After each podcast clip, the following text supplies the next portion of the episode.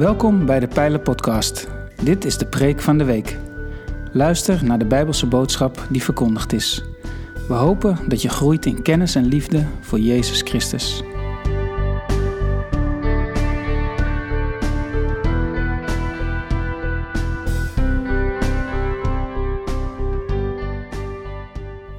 Goedemorgen, lieve mensen. Hallo. Your name. Waar gaat die naam over?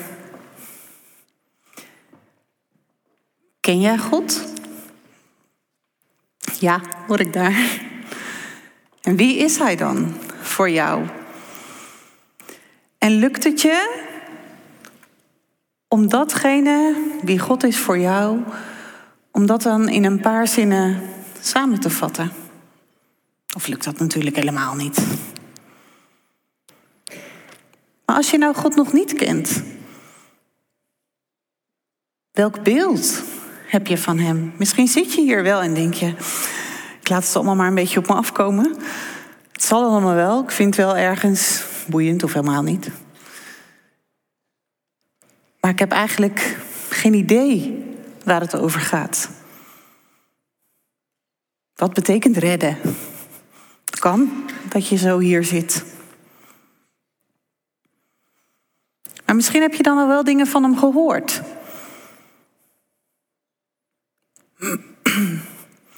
Weet je, de meest voor de hand liggende antwoord op wie is God in deze tijd van het jaar, deze kersttijd, is dat God iets te maken heeft met een babytje. Iets met een kribbe, een stal, een ezel, iets met Maria en Jozef en zo. Um, dat het ook wel iets te maken heeft met liefde. Mensen gaan rond die kersttijd altijd dingen uitdelen en zo. Kerstpakketten. Ze vinden het belangrijk dat je niet alleen bent met kerst en zo, weet je wel. Dus ergens heeft het ook wel te maken met liefde. En we zien rond kerst dat het heel veel lichtjes. Dus het zal ook wel iets met licht te maken hebben, toch? Nou, als je zo ver bent in jouw perceptie van wie God is, dan denk ik dat, we al een hele, dat je al een heleboel van de buitenkant van God in ieder geval hebt gezien. En inderdaad, want het heeft allemaal met God te maken.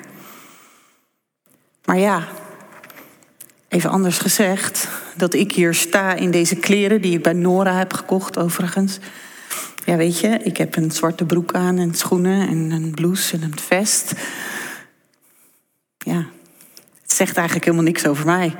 Het zegt alleen maar over mij dat ik uh, laatst tot een ontdekking kwam dat ik eigenlijk best wel nieuwe kleren mag kopen. Nou, leuk hè? Tadaa!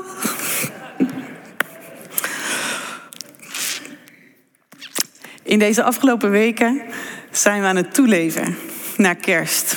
En Maarten zei het al, we zijn het verhaal aan het volgen. En volgende week is het dan echt zover. Dan vieren we dat feest. Dan gaan we groots feest vieren over dat babytje. Die in, dat, in die kribbe, in die stal, met Jozef en Maria. En we gaan feest vieren omdat hij niet zomaar werd geboren. Hij had een taak. Hij had een taak te vervullen hier op aarde en daar staan we bij stil. Wat betekent dat voor ons? En in de afgelopen weken zijn we bezig met dat verhaal dat voor, wat daaraan vooraf gaat in die maanden daar voorafgaan. En mijn doel voor vandaag is dat je straks voor jezelf een beeld hebt wie God is. Voor jou, of als dat nog te moeilijk is, voor de ander, iets algemener. En ik hoop dat we aan het eind, als we weer gaan zingen, dat we iets van woorden hebben kunnen vinden om God te duiden voor onszelf. Nou doe ik gelijk de disclaimer dat dat nooit helemaal lukt, want God is altijd groter en altijd meer en altijd. Nou ja, maar we gaan wel een poging wagen. Want ik vind het belangrijk dat we helder hebben wat we nou eigenlijk vieren met kerst. Dat het niet zomaar alleen maar om de tradities en om de lichtjes en om de kerstpakketten gaat en het lekkere eten. Maar dat je voor jezelf heel duidelijk hebt, wat vier ik nou? Dat gaan we doen. En we lezen daarvoor Lucas 1. Ik heb geen dingetje tussen mijn Bijbel gedaan. En we lezen het in drie delen. Dus ik uh, begin gewoon bij het eerste vers. Uh, 39 dan dus, het eerste vers van mijn gedeelte. Kort daarop reisde Maria in grote haast naar het bergland, naar een stad in Juda. Je leest het ook, hè? Kort daarop. We vallen midden in het verhaal. Want blijkbaar is er iets gebeurd waar Maria kort daarop wegging. Met grote haast lezen we ook. Nou, en ik neem je dus even mee in de context. Want het verhaal begint ongeveer. Ik ga dit even wegleggen. Sorry, hier. U ligt op de grond. Het verhaal begint ongeveer zes maanden geleden bij een ouder echtpaar. Ze hadden verdrietig genoeg geen kinderen. Ze waren wel erg gelovig. De man was zelfs een priester. En als de man dan op een dag zijn tempeldienst doet, zoekt God de man op in de tempel, op de plek waar God woont.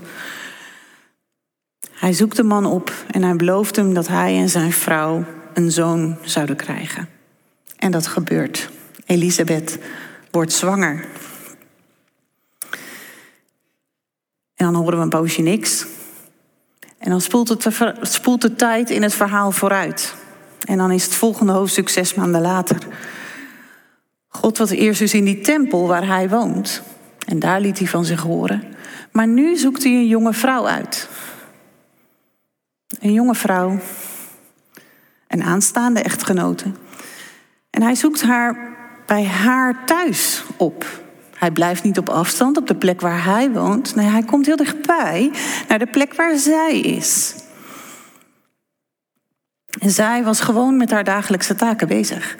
Zij was heel druk met zich voorbereiden op het worden van de vrouw van. Hoe werkt dat? Je huishouden besturen. Wat moet ik allemaal doen? Wat niet? Hoe ziet dat eruit?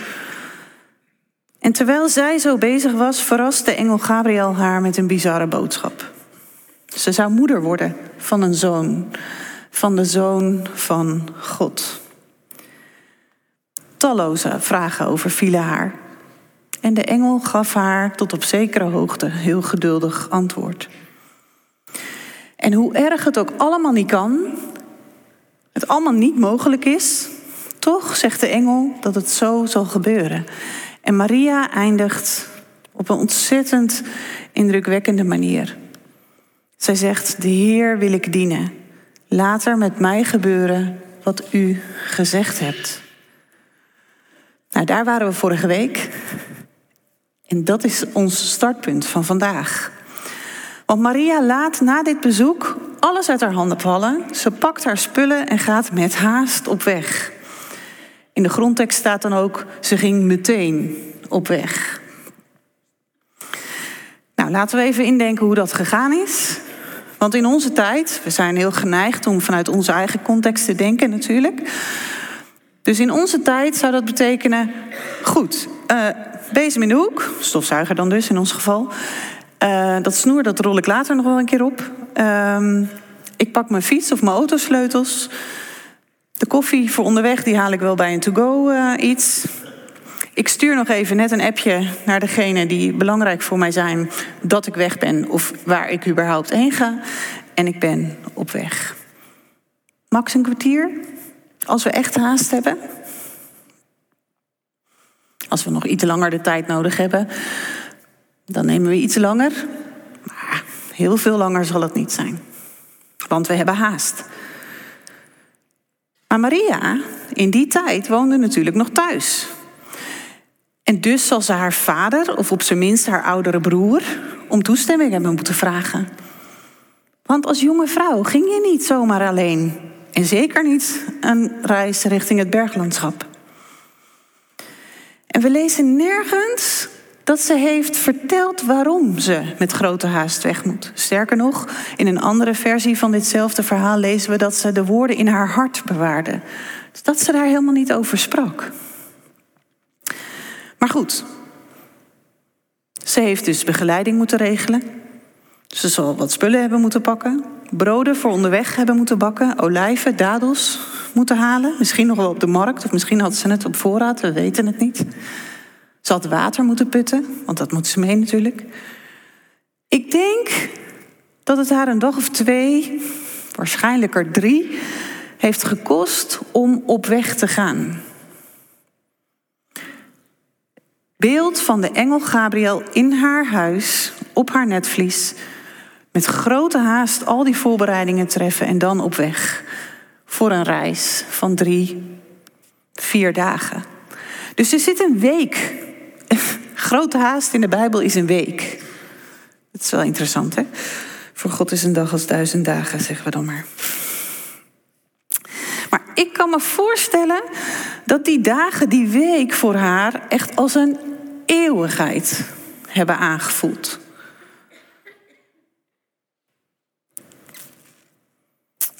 En waar ging ze naartoe? Ze ging naar haar tante, naar Elisabeth. De tante waarover Gabriel het had gehad. Want hij, en niet de tamtam, had Maria op de hoogte gebracht van Elisabeths zwangerschap. Dat kon niet waar zijn. En als het dan wel zo waar was, zou de rest van wat hij vertelde ook waar zijn? Ik weet niet zo goed hoe dat bij jou werkt. Maar onlangs had ik een gesprek. En het was een mooi gesprek. Het was fijn, het was eerlijk en open. En in dat gesprek konden we keuzes maken met elkaar. En met elkaar konden we nou, misschien ook wel Gods leiding zien. Misschien mag ik het ook wel gewoon zo noemen. En ik kwam thuis en ik vertelde Matthijs erover. En ik denk dat ik anderhalf uur later grote twijfel. Ongelooflijk. Had ik het nou allemaal wel goed gezegd? Had ik dingen wel goed gehoord? Um, ik, ik was ook wel duidelijk geweest. Nou, was ik daar niet lomp in geweest? Weet je wel, er gingen allerlei dingen. Was de keus wel uiteindelijk goed? Was het niet te veel mijn eigen koers? Nou ja, noem maar op. Een paar uur daarna, anderhalf uur daarna, en ik heb echt lange tijd nodig gehad om daarvan terug te komen. Hoe moet dat dan wel niet geweest zijn voor Maria? En het kan best zijn dat ik zo ben hoor, dat jullie daar allemaal niet zoveel last van hebben. Um, maar hoe moet dat zijn voor Maria? Zij heeft die engel in haar huis gehad. Ze heeft daar met niemand over gesproken. En dan moet ze een week is ze op weg. Al die muizenissen in haar hoofd. Ongelooflijk toch? Wat een twijfel, wat een chaos moet het in haar hoofd geweest zijn. Een week. En dan komt ze bij Elisabeth. Lezen we verder. Ze ging het huis van Zacharias binnen en begroette Elisabeth. Toen Elisabeth het groet van Maria hoorde, sprong het kind op in haar schoot en ze werd vervuld met de Heilige Geest en riep luid: De meest gezegende ben je van alle vrouwen en gezegend is de vrucht van je schoot. Wie ben ik dat de moeder van mijn Heer naar mij toe komt? Toen ik je groet hoorde, sprong het kind van vreugde op in mijn schoot. Gelukkig is zij die geloofd heeft dat de woorden van de Heer in vervulling zullen gaan.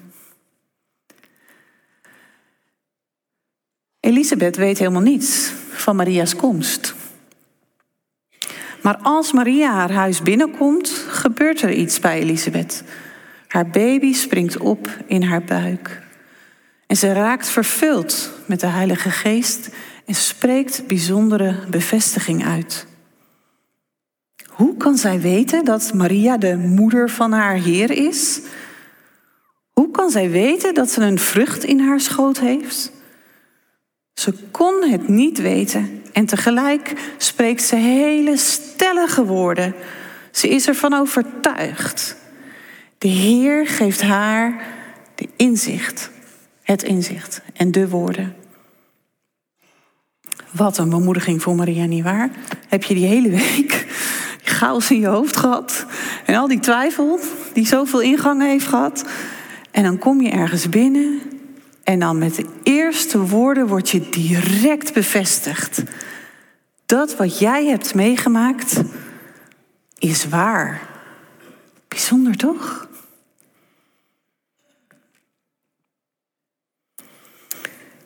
En dat geeft Maria natuurlijk hoop. Daarbij ziet Maria natuurlijk de buik van Elisabeth. En daaraan weet ze meteen dat wat Gabriel tegen mij zei is waar. Dat wat eigenlijk wat we voor onmogelijk hadden gehouden, is niet onmogelijk, want het is waar. Elisabeth is zwanger. Het is zoals Gabriel gezegd had. Bij God is werkelijk niets onmogelijk. En dan reageert Maria op een indrukwekkende manier. Laten we ook dat lezen. Maria zei: Mijn ziel prijst en looft de Heer. Mijn hart juicht om God, mijn redder. Hij heeft oog gehad voor mij, zijn minste dienares. Alle geslachten zullen mij voortaan gelukkig prijzen. Ja, grote dingen heeft de machtige voor mij gedaan en heilig is zijn naam. Barmhartig is hij van geslacht op geslacht voor al wie hem vereert. Hij toont zijn macht en de kracht van zijn arm. Hij drijft uiteen wie zich verheven wanen. Heersers stoot hij van hun troon. En wie gering is, geeft hij aanzien. Wie honger heeft, overlaat hij met gaven, maar rijken stuurt hij weg met lege handen. Hij trekt zich het lot aan van Israël, zijn dienaar zoals hij aan onze voorouders heeft beloofd. Hij herinnert zich zijn barmhartigheid jegens Abraham en zijn nageslacht tot in eeuwigheid.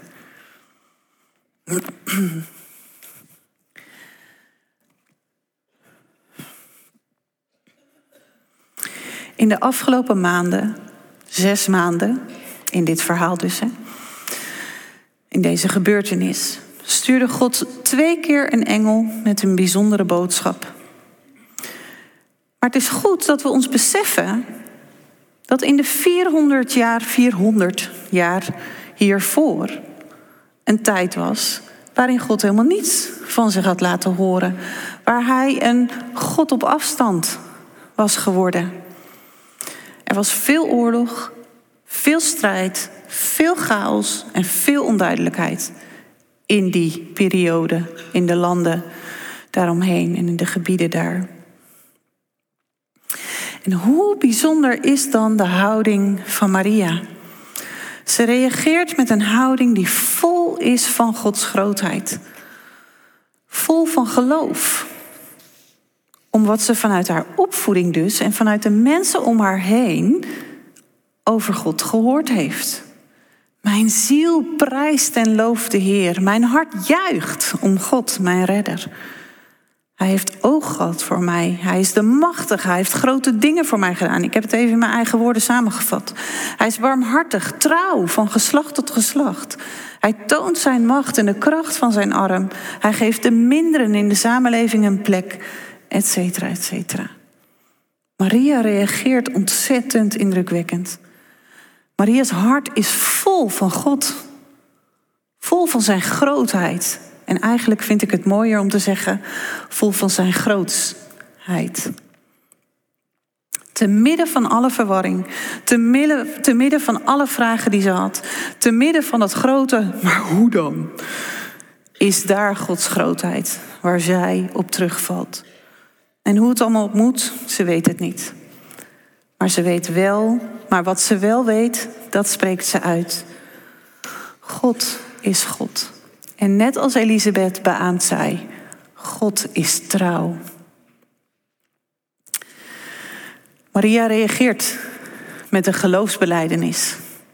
Dat is een moeilijk woord voor woorden geven aan wat je gelooft.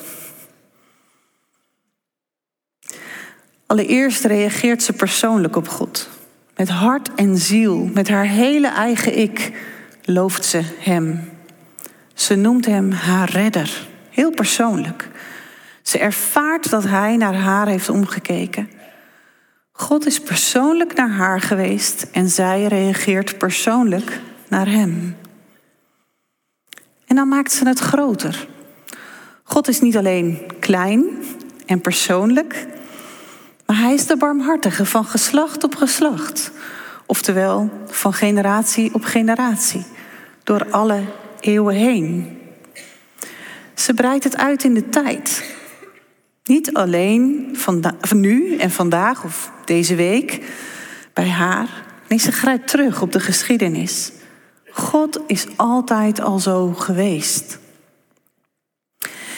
En ze wordt daarbij heel praktisch, want ze werkt uit hoe hij dat dan doet. Door de mensen die er volgens de maatschappij niet bij horen, door hen te voeden, te overladen met gaven, door hen aanzien te geven, een eerlijke plek te geven. En door de schreeuwers, de mensen die groots van zichzelf denken, de rijken, die heersers, door hen ook een plek te geven. Ze zijn niet meer of beter dan een ander. En dat is dus ook de plek die God hun geeft. Niet meer of boven de ander, gewoon. En daarna komt ze terug op Gods heilsplan. God is de God van het volk Israël. En dat zal hij altijd zijn. Hij is de God van Abraham, de God van Mozes. De God van haar volk. Hij is de God die vanaf het begin gezegd heeft dat hij er zal zijn.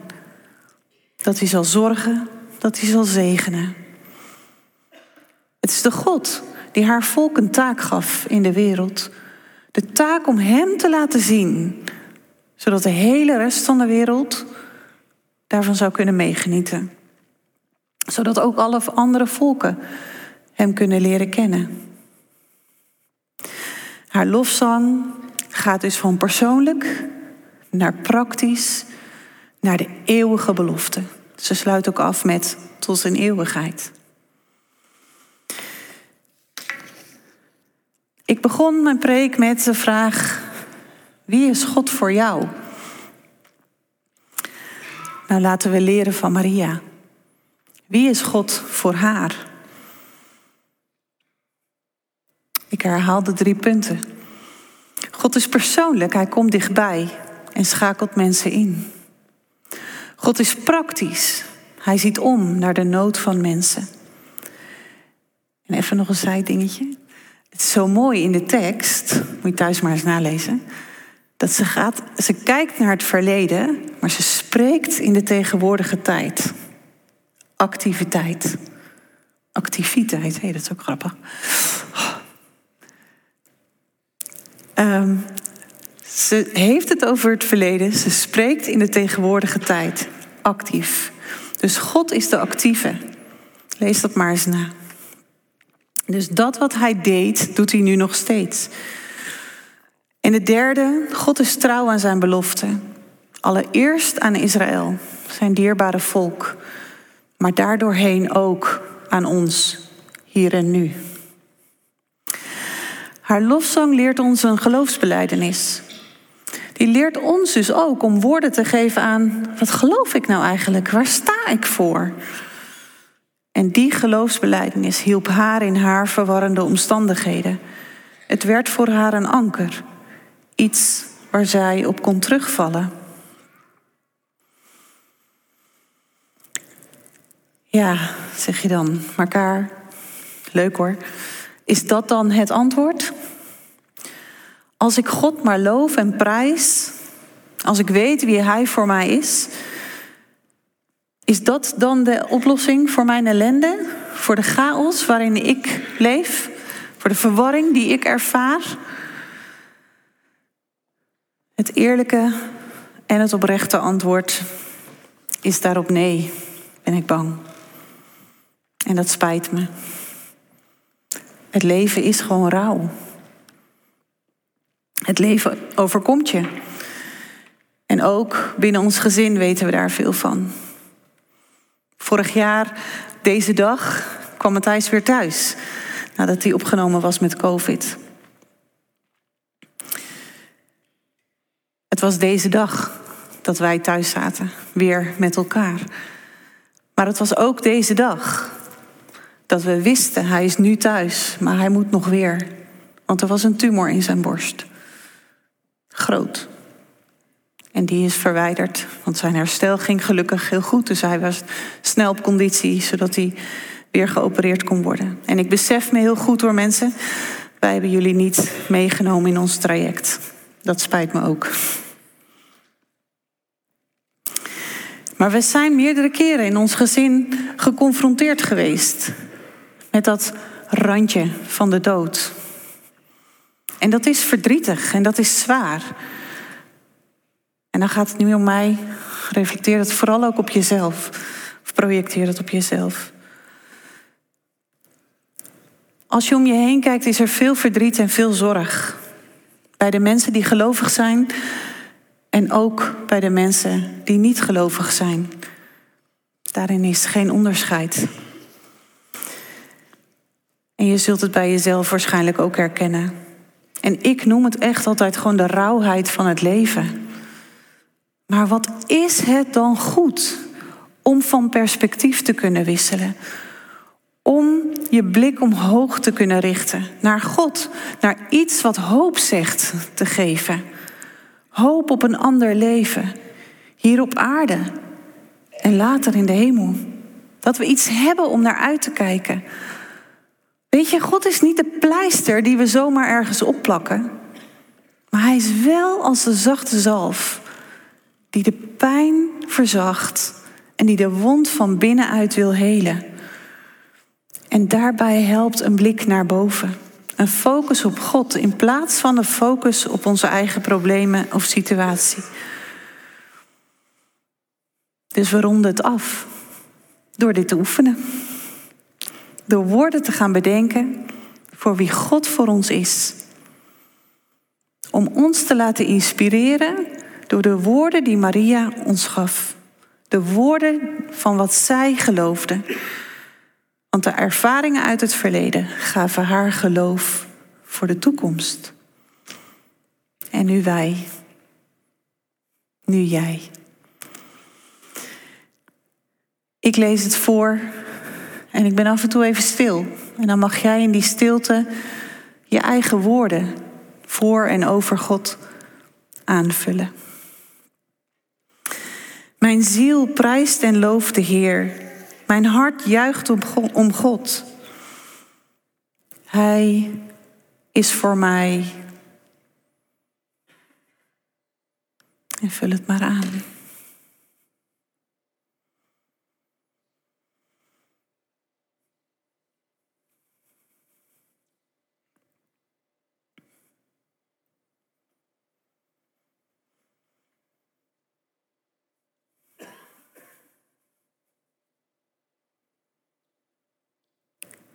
Mijn ziel prijst en looft de Heer. Mijn hart juicht om God. Want Hij deed voor mij. Of voor een ander waar ik op wil verder bouwen. Vul het maar aan.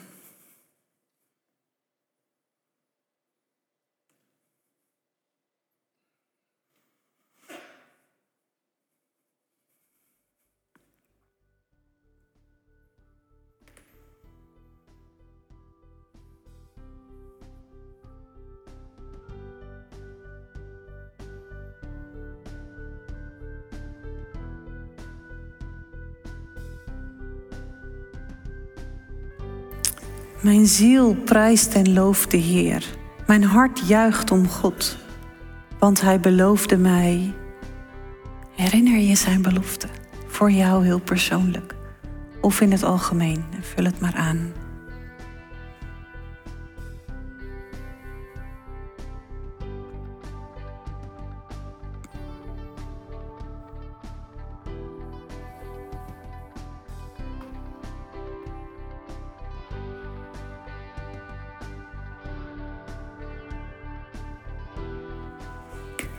Mijn ziel prijst en looft de Heer.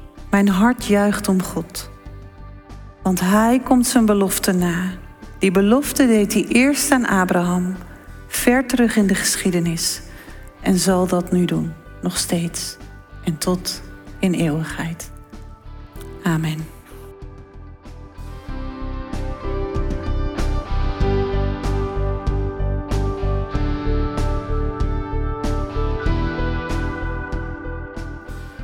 Bedankt voor het luisteren naar deze aflevering van de Pijlen Podcast, Preek van de Week. Heb je vragen naar aanleiding van deze preek? Stel ze. Dat kan via een e-mail naar onderwijs.pijler.nl. We helpen je graag verder in je groei als leerling van Jezus Christus. Abonneer je op deze podcast, zodat je altijd op de hoogte blijft van het onderwijs uit de Pijler. Goede week gewenst, ga in vrede, want God is nabij.